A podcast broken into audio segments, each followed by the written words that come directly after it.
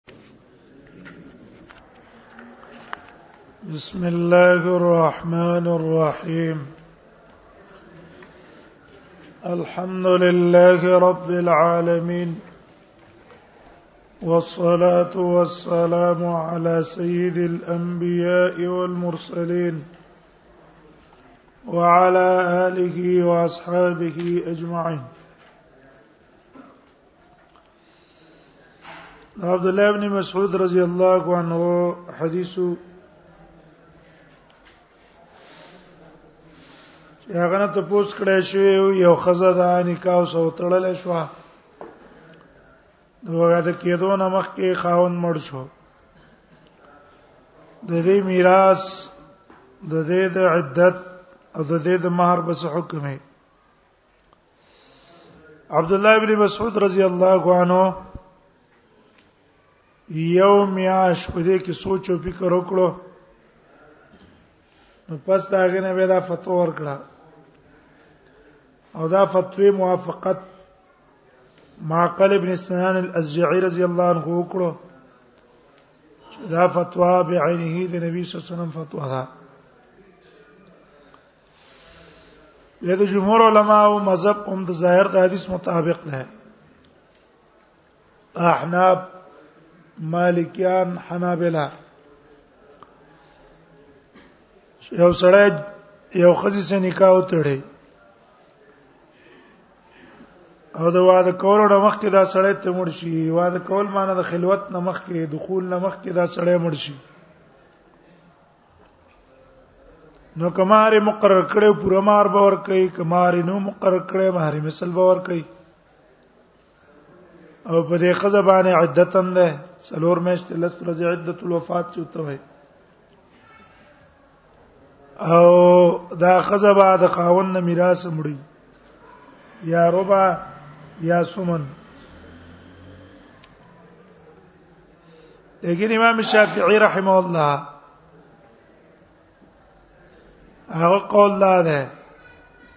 چې نه د دې خزې د پاره میراث هم نشته عدت هم په نشته ولې وې دا خزه مدخول بها نه ده لیکن امام شافعی رحم الله ته دا حدیث په کمزوري سند ورغلو دیوژن دا غنه نقل لی وې کدا حدیث د عبد الله ابن مسعود صحیح شو زه په دې باندې قول کوم لیکن دا حدیث صحیح ده نور صحیح سندونو باندې راغله دیو جنا قول د جمهور دا راجح ده دیمه دې مسله په حدیث باندې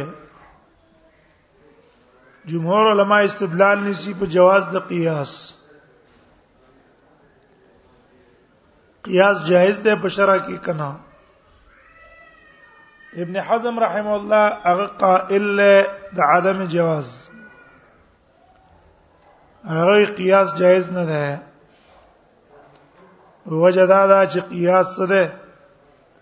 دا ځان نه شرع جوړول دي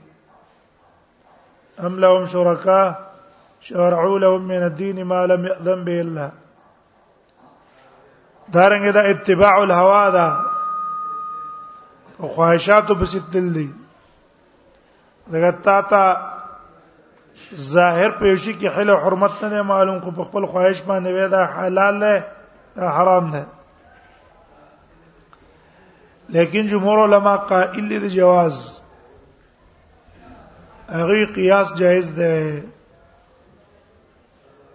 کله چې یو دلیل یو مسله یې پای کې صراحتن دلیل نه وي او تر اولګيږي دا هغه لپاره نور نظایر وګوره یا دا هغه علتونه وګوره او علت په دې مسله کې موجودي او دا هغه علت د وجه نه حکم را نقل کې دلته نو دا جائز دی دا ناروا نه ده د جواز د پارم دا حدیث ده یو عبد الله ابن مسعود رضی الله عنه ویلو چې زبر څوکما وې زه په دې کې سوچ او فکر وکم سوچ او فکر یو کو میاش پسې زین کې دا پرې وته چې دا بوله ور کوي او کله چې بیان کو نو وی ویل کدا حق دا بد الله د طرف نه یو که خدای د چا طرف نه وای ابو عبد الله بن مسعود ته طرف نه او شیطان اثر به بکی دویم حدیث ته د معاذ مشکات کې هم راشي امام ابو داود رحم الله امر راوړی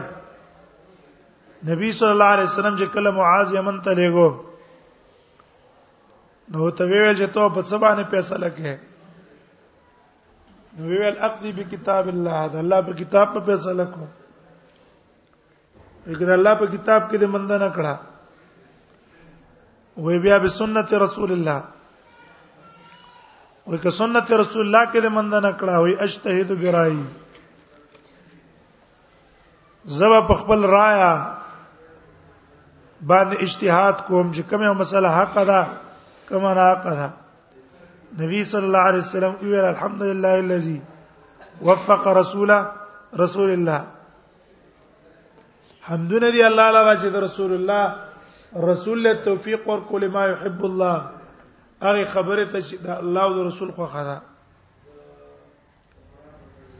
دیوژن قول د جمهور راجح ده چې قیاس جائز ده او نبی صلی الله علیه وسلم موږ ترغیبات راکړي د پاره د قران کې افلا تدب افلا تدبرون القران افلا يتفکرون دا تدبر او دا تفکر خپل قیاس ته کنه سوچ بکې فکر بکې علت کې وګوره راجع قولدار چې قیاس دلیل نه ولیکن زم کې به کې نه وای چې قران او حدیث مستقل دلیل نه اځري دا مثبتین دي په قران او حدیث باندې اثبات کیږي د حکم د حل او د حرمت دا شی حلال دی دا حرام دی او قیاس او اجماع دا دواړه مثبتین نه دي الحمدلله نه دي کو نشته باندې دا صرف مظهرین دي من چې په یو مسله باندې اجماع وکړه نو زمونږ د اجماع د وجنه مانه د علماو د اجماع د وجنه نه یو حلال شي حراميږي نه چې دلیل شرعي سره نه او یو حرام په حلاليږي نه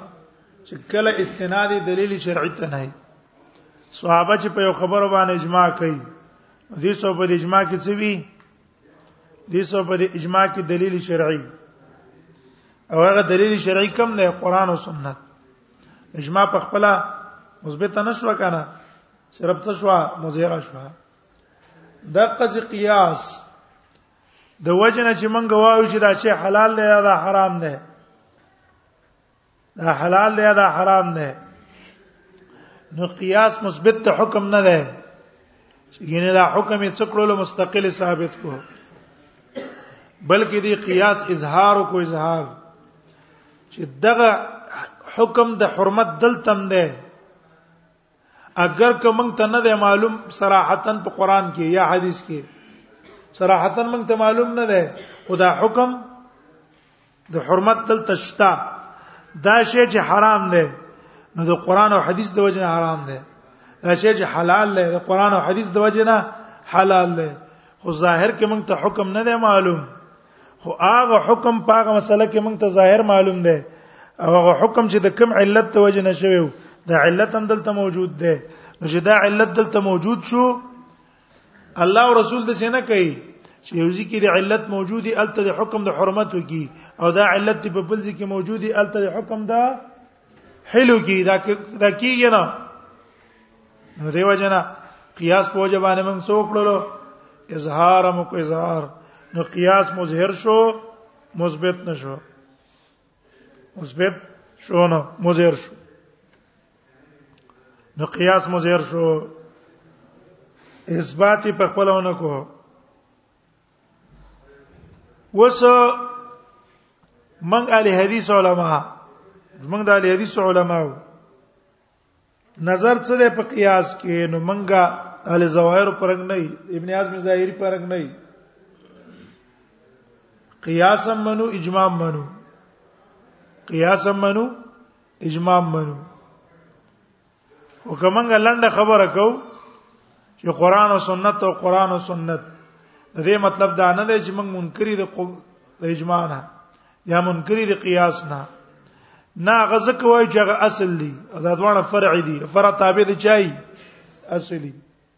ها قیاس ته وګورو چې قیاس قیاس ته کنه او چې کله نص موجودی صراحتا د اتفاقی مسله د چې په خلاف د نص کې قیاس له اعتبار نه دغه چې قیاسونه نه مانو رقم حضرات چې اوس کوي چې سپان نس یو شان ده او د دې قیاس الټا ده او نه دون اهمیت ولا ورکاو لکه په دې هدايه کې چې قیاس ته څونه اعتبار ورکړي خیلمی کې نه هدايه کې حدیث څنګه وی ولنا قول علی السلام قول علی السلام نه سند شته نه اواله شته په کتاب دا حدیث چاره وړه ده سند چا ده چا نه نقل ده دام نشتا الفاظ مخزر ځان نه هغه سي الفاظ باندې نقل نه کی لیکن قیاس له به څونه زور ور کړی قیاس څونه په اهمیت او بزرګ باندې ور کړی دغه قیاسون لمنځنه کوو موږ اعتبارونه نه ورکو چې بس قول علی السلام راغې اخوا قیاس ته ضرورت پکې بیا شته ده که علت موږ ته معلوم شو ډیر راخه که علت موږ ته معلوم نشو هم موږ تابع د الله او د رسول الله او رسول چې موږ ته کوم خبره کوي په منو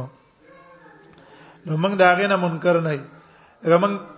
د دې سره باس کو دی یو خدای قیاس پنه کوي ته زما قیاس نه انکار نه دی کړای او ما د قیاس نه انکار کړی به ویو هغه تقلید نه انکار دی نو تقلید نه انکار خو مستلزم قیاس لنه نه کړه کده قیاس د چا کار دی مجتهد کاری او تقلید د چا کاری مقلد د امی سړی کاری نو زه خو منکر د تقلید نه ما منکر خو د قیاس نه نه ما زه خو د منکر د قیاس نه نه ما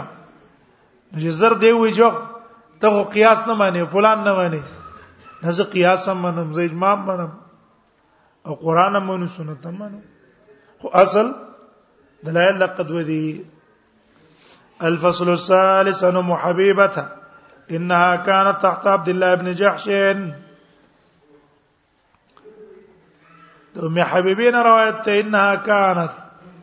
دعوا تحت عبد الله ابن جحش په نکاح د عبد الله ابن جحش کې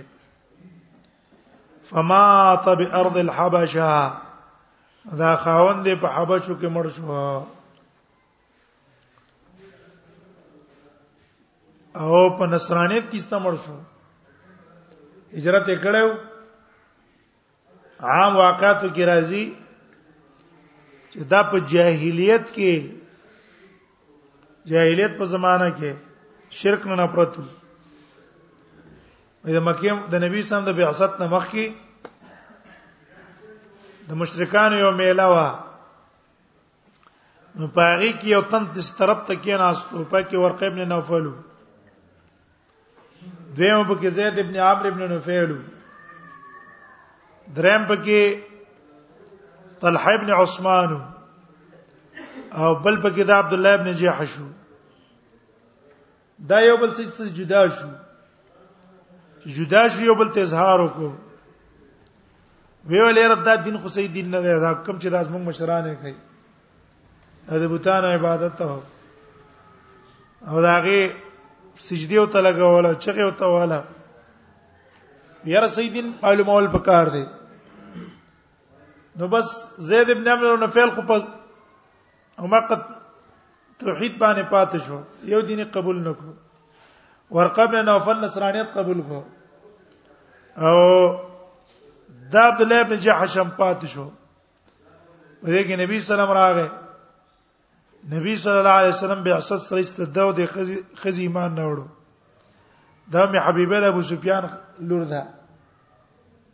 ابو سفیان لور ده ندیو د حبشه ته هجرت کو مکه کې تنگ شو لاړ حبشه ته هجرت کو حبشو کې دی را اولګي د است د عیسیانو سره اختلاط شروع کو ناس ته پاس او د غي سره اختلاط او تعلقات دی خزي په خوب کې ولیدو چې د په ګندګۍ کې لاسونه ور کړی د سمجا کو خپې نشلو استعیسیت اختیار کول تمر شو دغه نو دام ځین کې کې نه وای د غلطو مجلسونو کې ناس ته پاستا هغه سبب ته انسان د بدعمله انسان بدعملي سبب ده تلاړې داسې کسانو سکینی چې بدعمل دي خراب دي نن ته بزر کې دریم ورځ پس به تم داغي سیست شریک شي په عمل کې هغه عمل کې به څه شي شریک بشي حرام خورو سکین خپل به حرام خور شو دنیا پرستو سکین استه نو درې یو یو څو ورځې بزانو ساتي بل ورځ بستانه غټ دنیا پرز به جوړ شي اثر د ماحول اثر کنه په انسان کله چې نبی سلام ته پته ولګی دا چې ام حبیبه هجرت کړه ده او دا د ابو سفیان لور ده او په ایمان کې د مؤمنه ده او چې څوک شته ده نه نبی سم نه جاشي ته وی چې مال په نکاح واخلا نبی سم چې دا کمی خزي کړی دي کنه ټوله کونډي کړی ونده رسول الله صلی الله خپل شهوات نه دي پوره کړی ټوله کونډي کړی سودا کونډه وا زینب کونډه وا ام حبیبه کونډه وا ټوله کونډي کړی صرف عائشه کونډه نه دا کړی نو نبی صلی الله علیه وسلم نجاشی ته خبر اولېګو چې دا مال په نکاح واخلا دا د دې د وجنه چې د دې څوک شته دی نه قوم ټول مخالف دی او بلار ډېر سخت دشمن دی د مسلمانانو او د دې څوک شته دی نو خبره نه جاشي ته ولېګو نجاشي په وخت کې خلیفہ ومو او خلیفہ چې کمی اولی کنا سلطانو ولی من الله ولی الا سلطان ولی د هغه چا چې داغه د پاره ولی نه نو د خلیفہ نبی صلی الله علیه وسلم د پس خبرو لګو دا ام حبیبه مالته په نکاح واخلہ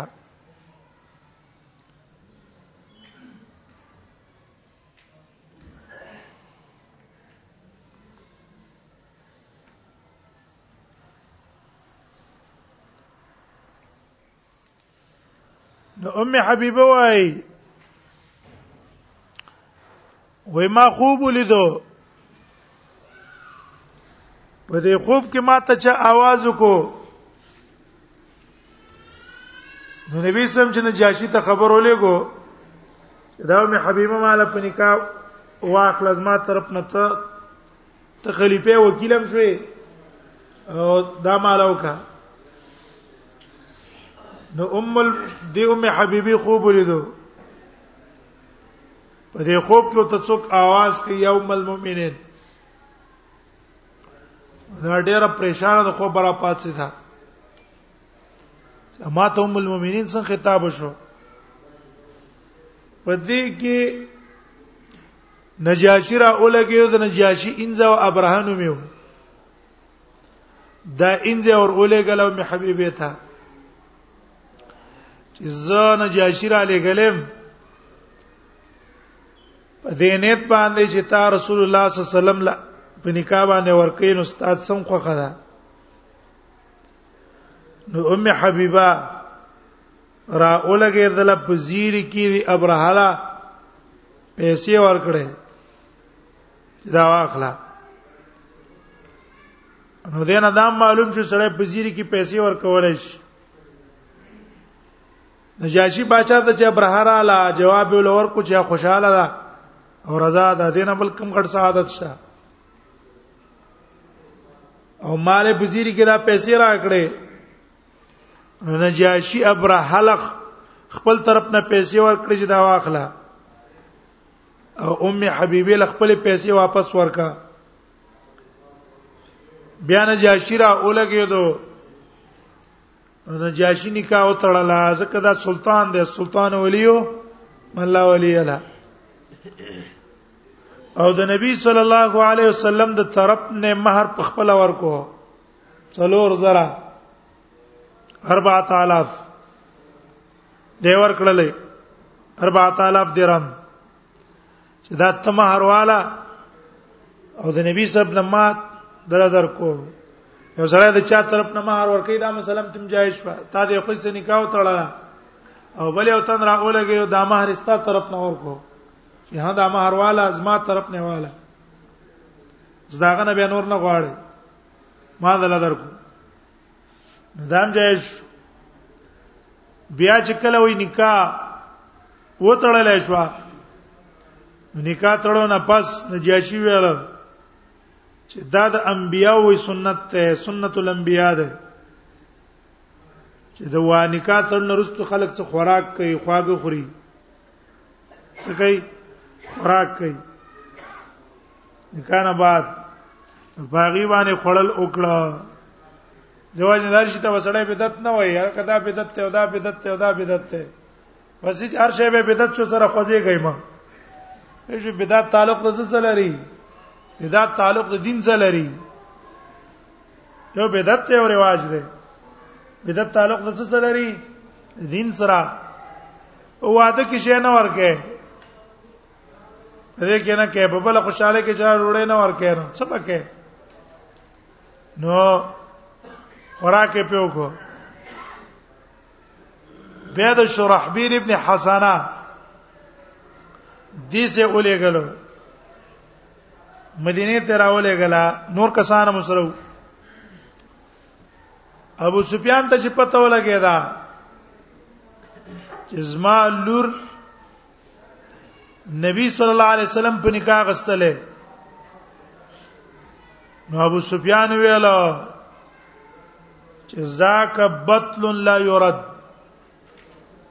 دا خو زما لور د حبشو کې و او کدا ما سره وې او د محمد رسول الله باندې مطالبه کړې وې دا لور دې مال را کما واغله ور کړې ځکه محمد رسول الله د یو ځوان دی دا سي صفات دی پکې چې دي صفات والا سره نه مسترد کړي اگر کزما دشمن دی خو کمالات پکې دي عربو به دشمنه ته قتل نه کمالات ته به قتل چر دې سړی کې کمالات دي نو صفات ته به قتل کمال ته به قتل بیا همدغه مې حبيبه وا چې کله ابو سفیان په صلح حدیبی په زمانہ کې راغې مدینه ته هغه والا خلاف کړو بنو بکر د خزاعه په قبيله په خلاف دی او لوز مات کو د نبی صلی الله علیه وسلم سره ابو سفیان راغه په دې نیت چې زبر نبی صلی الله علیه وسلم ثبت د الله استاد کما او پته به تونه لګیږي از موږ دا غداری په پټه شي محمد رسول الله صلی الله علیه وسلم ته وحیم شوی و او خزاعه قبيله سره او تمخ کې ورغلو نوران ابو سفیان ام حبیبه کا ورغه ام حبيبي د نبی سم بستر پر تواب سفیان ته کې ناستو زره ته غتا وکړه نو دې خپلار یو ته ویاله چې دا بسترې زلایق نه و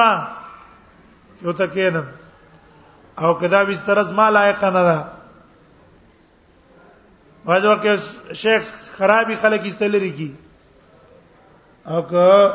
زما لایق نه ده او که زه لایق نه یم هغه ته ته لایق نه دا رسول الله بستر ده او ته مشرکی دې پلار ته لقد اصبت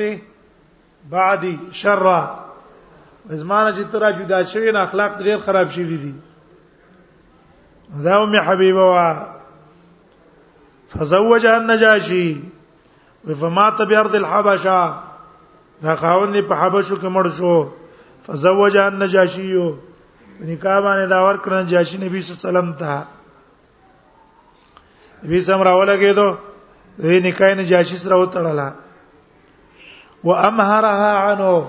او مہر ورکو هغه ته د خپل طرف نه 4000 څلور زرا څلور زرا ولا ورکا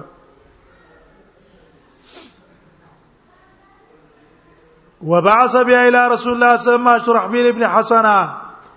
او لګلې دا نبی صلی الله علیه وسلم سره شرحبيل لګلې ودا نبی صلی الله علیه وسلم سره شرحبيل ابن حسنه سره مراغه سره کړه سره د نورو کسان نه او مدینه ته بوت نبی صلی الله علیه وسلم ته رواه ابو داود والنسائي وعن انس قال تزوج ابو طلحه ا دې کې پیدا دام وې کنه چې ګوره نبی صلی الله علیه وسلم کله ابو می حبیبی سره نکاح وکړه نو دغه ابو سفیان او د دې کسانو هغه جذبه څه شو غمات شو دیو جن نبی صلی الله علیه وسلم خزي ډیری کړي مختلفو قبیلو نه وجه دا وا چې عرب به د خپل سره دغه نه کول بغیرت نه وو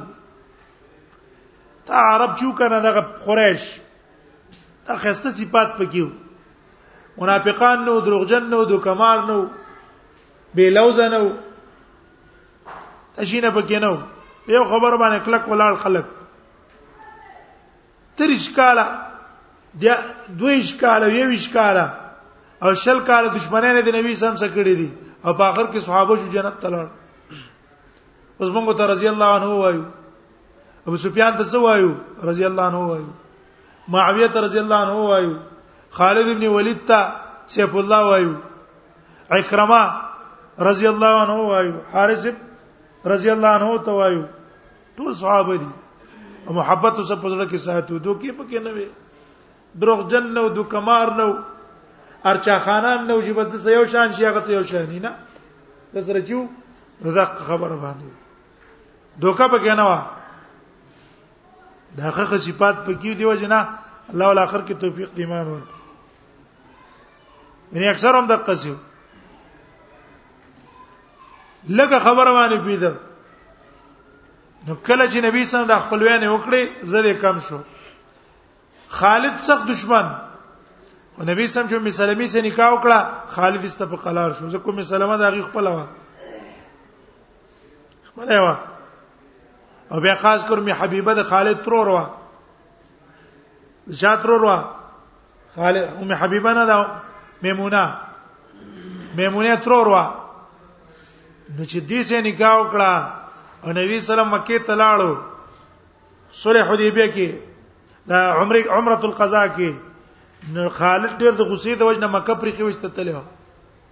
و رسول الله مې نظر ونه لګي نبی سلام د خالد ضرور نه ته پوسو کو چې خالد نخکاری چرته ده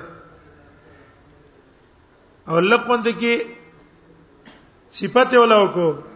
خالد چراغ ضرور یو تو ویل چې رسول الله ستاسو ته پوس کو خلخه رسول الله زما ته پوس کو همدا غزان استلا روان شو د دغه سره عمرو بن العاص حبشو ته تلو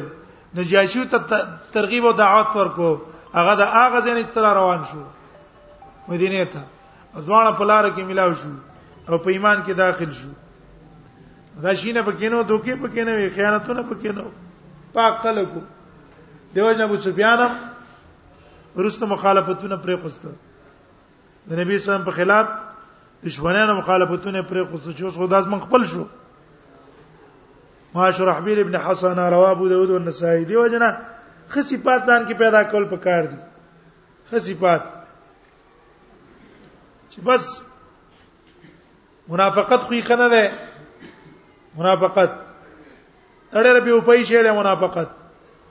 دغه دې سړي باندې اعتماد نه بیا منافق سړي باندې چا اعتماد نه یو سړی ده په یو خبره باندې ولاړ لې نو کستا مخالفت کې می خلک اکرام او عزت کوي لکه یو یو خبره والا ده کوشش خلک دا کوي چې دا ځان څه کی دا ځان سره مایل کی یو خبره والا ده او منافق سړي له څوک اعتبار نه ور کوي ورکی کمنه هغه ستاسو نصیحتم نصیحتم لټی کنه ویلری کده خسته صفات خسته خوینه بزان کې پیدا کړو د دین دعوت او غم د سره چیرې دا دین خدمت کول پکار دی او د چا پروا مونږ ساتل الله به مخ کې بوزي وحنا حسن قال تزوج ابو طلحه ام سليم ونکاح وکړه ابو طلحه د ام سليم سره وکانه صداق ما بینهما ما بینهما الاسلام دوه په منځ کې مار اسلام ام سلیم ډیرو خیاله خزوا چې په اسلام کې داخله شو د دې خاوند مالک هغه ډیر د غصې د وجې است شام ته لاړ ولته مړ شو لوی د ما خزه په اسلام کې داخله شو ابو طلحه مالدار او انصاریو د بځي جواب ورولېګو نو دیو ته چې بالکل زه تا رد کوم نه خو ته مسلمان نه مسلمان نه نه کچرته ته په اسلام کې داخل شې بس بس نکاح وکم او دغه اسلام بس ما مهري ابو طلحه به په اسلام کې داخل شوی دی او د اسلام نه بعد یې سن نکاح تړل یو ما خبره تعلیم د قران پرنګ د اسلام هم دی کنه اختلاف مخ تیر شو اسلمت ام سلیم قبل ابي طلحه اسلام راوړ ام سلیم د ابي طلحه نه مخکي فخطبها ندی ابو طلحه مطالبه وکړه د نکاح د ام سلیم فقال د ام سلیم تویل انی قد اسلمت ما اسلام راوړ فإن اسلمت نکحتک کته اسلام راوړو زبتا سره نکاح وکم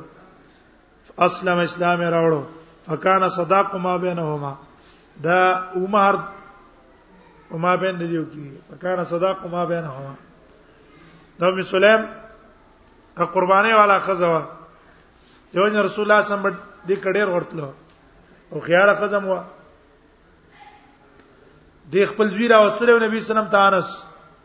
وستا د خدمت څوک نشته د انس وستا خدمت کوي وستا څه کوي دا وستا خدمت کوي را الله نبی خادم یو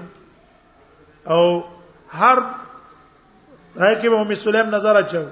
خيار خزه واقعت دا غیر ډیر دی او قرباني ورکړه دا د خور دا خور ام حرام دې خور ده هغه قرباني والا قسطنطینه کې د پنده دا په قبرص کې د پنده هغه د پاره ترې دین د دعوت د پاره فکان صداق ما بینهما دا کو رسول دین غو مسرو چې بس ما دې پیسې دي په کار مال مې نه په کار خو اسلام مې په کار ده فکان صداق ما بینهما رواه مسلم